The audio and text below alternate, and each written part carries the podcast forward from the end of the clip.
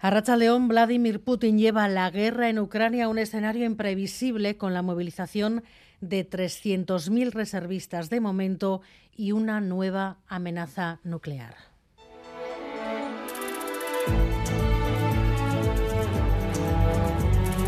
Gambara con Arancha García. Europa, Estados Unidos interpretan este movimiento como un signo de debilidad a la desesperada porque está perdiendo la guerra. Desde dentro, ¿qué sabemos de lo que está pasando en Rusia ahora que el Kremlin va a llevar al frente ucraniano a los civiles? Yo veo que la gente está muy preocupada. Mi impresión por la calle que todo el mundo habla, si le toca o no le toca, que, que esto es muy serio y se nota en el aire un poco la tensión. ¿no? El testimonio de un periodista ruso desde Moscú, tensión que se estaría traduciendo en intentos de salir del país. Los vuelos con el exterior se están agotando, la mayoría tienen destino Estambul. Miquel estarán. Turquía y Armenia son dos de los países que dan visado a los rusos a su llegada y tras el anuncio de reclutamiento por parte de Vladimir Putin se han llenado los aviones a estos dos países. Se puede volar haciendo escalas, pero los precios se han disparado y no hay billetes por debajo de los 1.500 euros. La única opción de escapar para quien deba acudir a filas es con aerolíneas internacionales, porque desde esta tarde Rusia ha prohibido a sus compañías vender billetes a hombres entre los 18 y 65 años. La OTAN advierte de una guerra más larga de lo previsto, podría durar años y Europa advierte del peligroso juego a la ruleta con el botón nuclear. Sobre eso ha hablado hace unas horas ante la Asamblea General de Naciones Unidas el presidente de los Estados Unidos, Joe Biden, que insiste en que en esos escenarios, en el escenario de la guerra nuclear, nunca hay vencedores.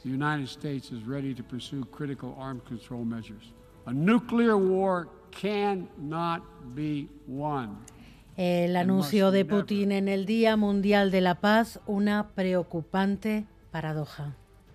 Gaur, bakearen nazioarteko eguna den honetan, Putin jaunak irurun mila erreserbista Ukrainiara mugiaraziko dituela iragarri duenean.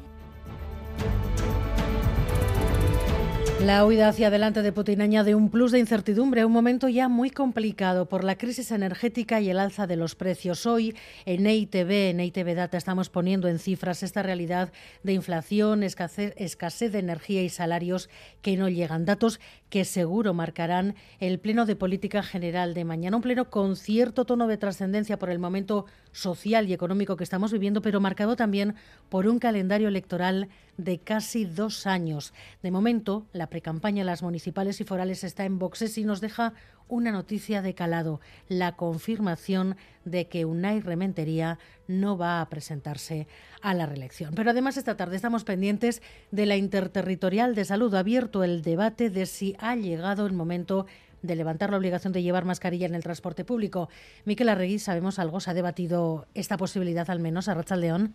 A Rachaldeón, pues el asunto no va en el orden del día de la interterritorial, pero algunas comunidades como Navarra, Madrid o Castilla y León han pedido esta tarde que se termine con la mascarilla obligatoria en el transporte público. Se espera que la decisión sea inminente, pero en las últimas horas el Gobierno de España ha dejado claro que cualquier cambio se tomará atendiendo al criterio de los expertos. El debate sobre el fin de la mascarilla en el transporte coincide con todos los indicadores a la baja, tanto los casos notificados como los ingresos en planta y en UCI son los más bajos desde el otoño del año pasado. El Ayuntamiento de Bilbao pone en marcha una iniciativa pionera para dotar de terrazas a 86 viviendas municipales en el barrio de Ocharcuaga.